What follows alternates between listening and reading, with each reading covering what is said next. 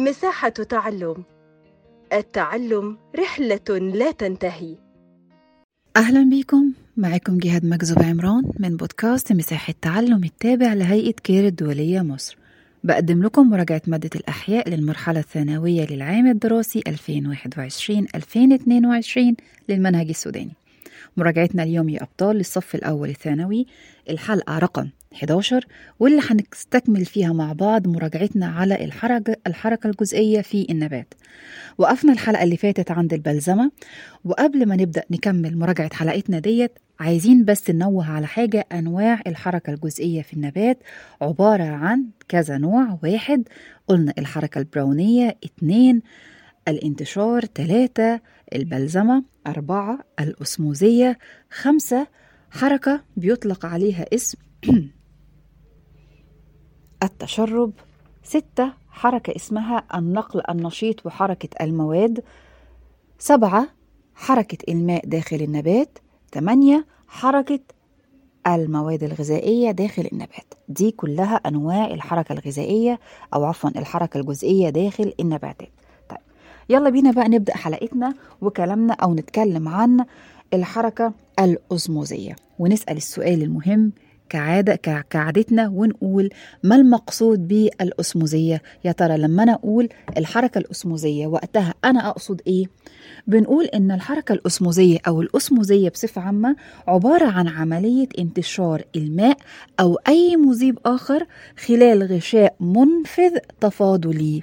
مرة تانية عبارة عن أو عملية انتشار الماء أو أي مذيب آخر خلال غشاء منفذ تفاضلي. يبقى هنا شرط عشان خاطر تحدث عندي عملية أسموزية يجب وجود غشاء إيه؟ يجب وجود غشاء منفذ تفاضلي. تمام.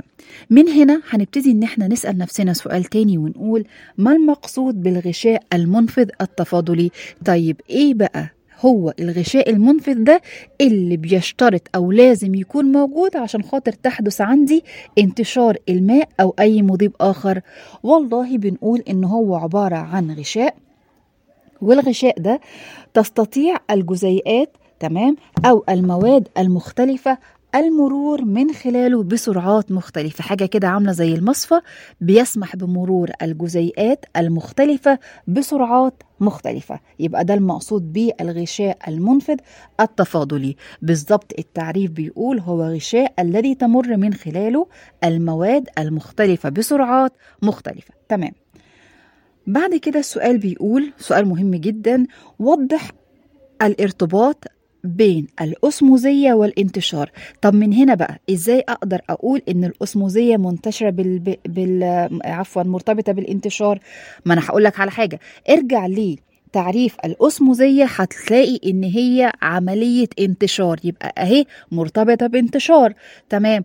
بس على شرط أو في شرط إن يجب عشان خاطر تحدث عملية الانتشار دي يجب وجود غشاء منفذ تفاضلي. والإجابة بتقول إن الأسموزية تمام؟ أو آه عفوا الانتشار بتحدث من خلال نفاذ المواد من خلال أغشاء أسموزية إيه ده؟ يعني معنى كده إن الغشاء المنفذ التفاضلي ده ممكن أقول عليه اسم غشاء أسموزي أيوة. يبقى هنا بقى الربط ما بين عملية الانتشار والأسموزية. إن الأسموزية دي عملية انتشار. شرط وجود الانتشار ده أو شرط حدوث الانتشار ده وجود مين؟ وجود غشاء أسموزي اللي هو بيكون غشاء منفذ تفاضلي واللي بدوره بيسمح بمرور الجزيئات المختلفة بسرعات مختلفة. يبقى دي كانت الجزئية اللي بتتكلم عن الأسموزية واللي هي بتعد نوع من أنواع الحركات الجزئية في النبات. نيجي بعد كده نتكلم عن النوع اللي بعد كده من الحركات الجزئية في النباتات وهي التشرب. والسؤال بيقول يا أبطال ما المقصود بالتشرب؟ الإجابة عليه إن التشرب ده عبارة عن عملية فيزيائية بحتة. عملية فيزيائية بحتة. بتحدث في النباتات مع الخاصية الأسموزية يبقى أهو التشرب مرتبطة مع مين هنا؟ مرتبطة مع الأسموزية ليه؟ لتساعد دخول الماء والمواد الغروية والجزيئات الكبيرة مثل النشا والسليلوز داخل الخلية يبقى عبارة عن عملية فيزيائية بحتة العملية دي بتحدث عندي في النباتات مع الارتباط أو الاشتراك مع مين؟ مع الأسموزية طب الأسموزية هترتبط بيها إزاي؟ هترتبط بيها لتساعد على دخول الماء والمواد الغروية والجزيئات الكبيرة مثل النشا والسيلولوز داخل الخلية. يبقى من هنا يا أبطال لازم نلاحظ حاجة مهمة جدا إن الحركات في النبات أو يعني الحركة الجزئية في النبات ممكن ألاقي عندي نوعين من الحركات بيشتركوا مع بعض علشان خاطر يأدوا نفس الدور أو ممكن أجد عندي نوع حركة بيتم وراه على طول النوع الآخر من الحركات. تمام. السؤال اللي بعد كده بيقول وضح آلية التشرب. يعني إيه؟ يعني وضح طريقة التشرب. وضح خطوات عملية التشرب. بتحصل إزاي؟ كالآتي. إنه الجزيئات الكبيرة مثل النشا والسليلوز بدورها بتحمل شحنات كهربية فلنفترض إن هي موجبة. ويضاف إليها الماء. أنا دلوقتي بقى عايزة أدخل للخلية نشا وسيليلوز. وبطبيعة الحال إن النشا والسيليلوز ديت بتكون مضاف إليها أو بتكون بتحمل شحنات كهربية. طيب. ولما بضيف إليها الماء الماء كمان بدوره بيحمل شحنات كهربية مختلفة. طيب. النقطة التانية أو الخطوة التانية بنقول إن بيحمل الماء شحنات كهربية مختلفة عن الجزيئات السابقة. ونتيجة لاختلاف هذه الشحنات أو الاختلاف في نوع الشحنات بتحدث عندي قوة تجاذب بين جزيئات الماء والجزيئات الكبيرة. وهذا ما يطلق عليه اسم قطبية الجزيء. يبقى عرف قطبية الجزيء أو ما المقصود بجزئية الجزيء أو متى يحدث جزئية عفوا قطبية الجزيء كالآتي. عند إدخال المواد الكبيرة مثل مثلا النشا والسليلوز ذات شحنات كهربية معينة واندماجها أو ذوبانها في الماء الذي يحمل شحنات كهربية مختلفة عن هذه الجزيئات. هنا هيبتدي يحصل عندي نوع من أنواع التجاذب بين جزيئات الماء والجزيئات الكبيرة يحدث عنه أو بيؤدي إلى وجود إيه؟ وجود قطبية الجزيء. تمام. قطبية الجزيء دي ليها أهمية. السؤال بيقول وضح أهمية قطبية الجزيء. الإجابة عليه بنقول إنها تساعد الماء على امتصاص الجزيئات الكبيرة مع الاحتفاظ بالتصاق هذه الجزيئات مع بعضها وهو ما يعرف باسم التشرب.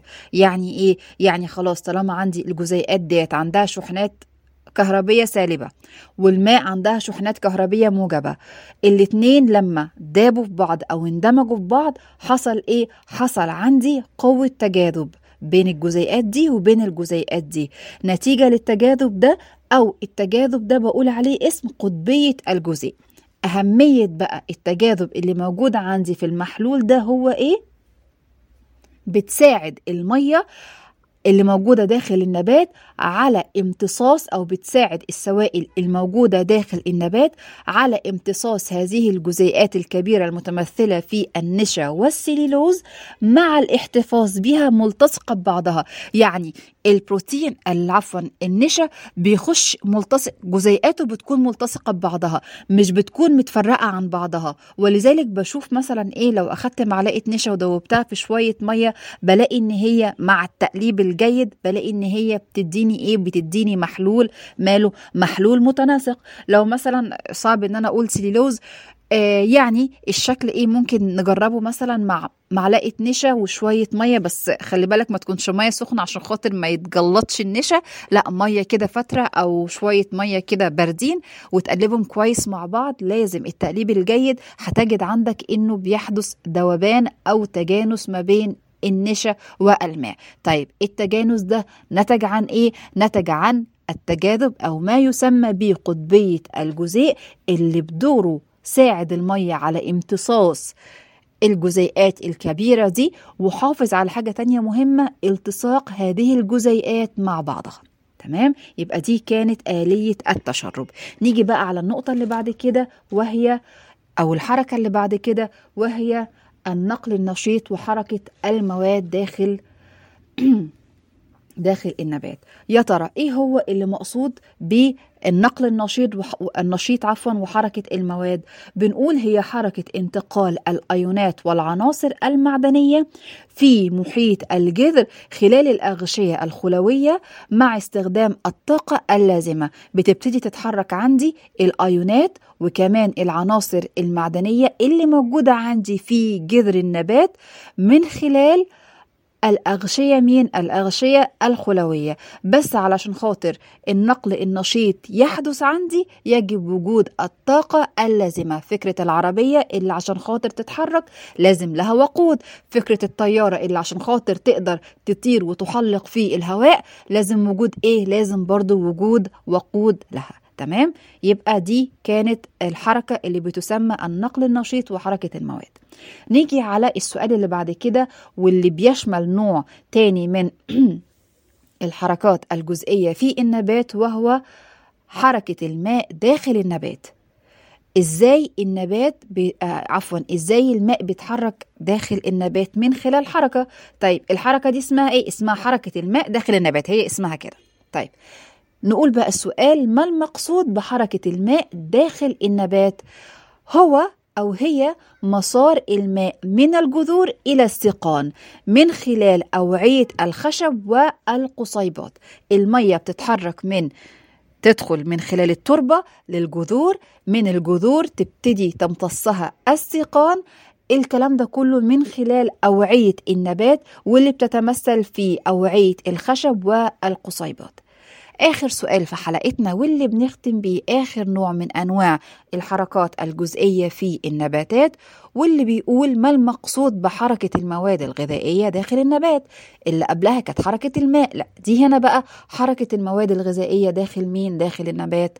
بنقول هي حركة نواتج عملية البناء الضوئي داخل أنسجة اللحاء من خلال أن الأنابيب الغربالية في اللحاء.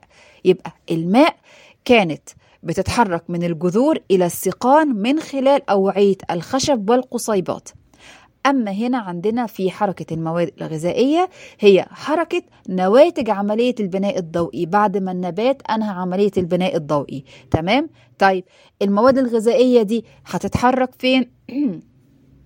هتبتدي إن هي تتحرك داخل أنسجة اللحاء من خلال مين؟ من خلال الأنابيب الغربالية اللي موجودة عندي فين؟ موجودة عندي في اللحاء يبقى يا أبطال إحنا كده في حلقتنا كملنا أنواع الحركة الجزئية في النبات. إن شاء الله الحلقة اللي جاية نبدأ نتكلم فيها عن الحركة الناتجة عن المنبهات الخارجية في النبات. ذاكروا كويس دمتم يا رب بخير وبسلام وبتفوق. شكرا لكم جدا كنت معاكم أستاذة جهاد.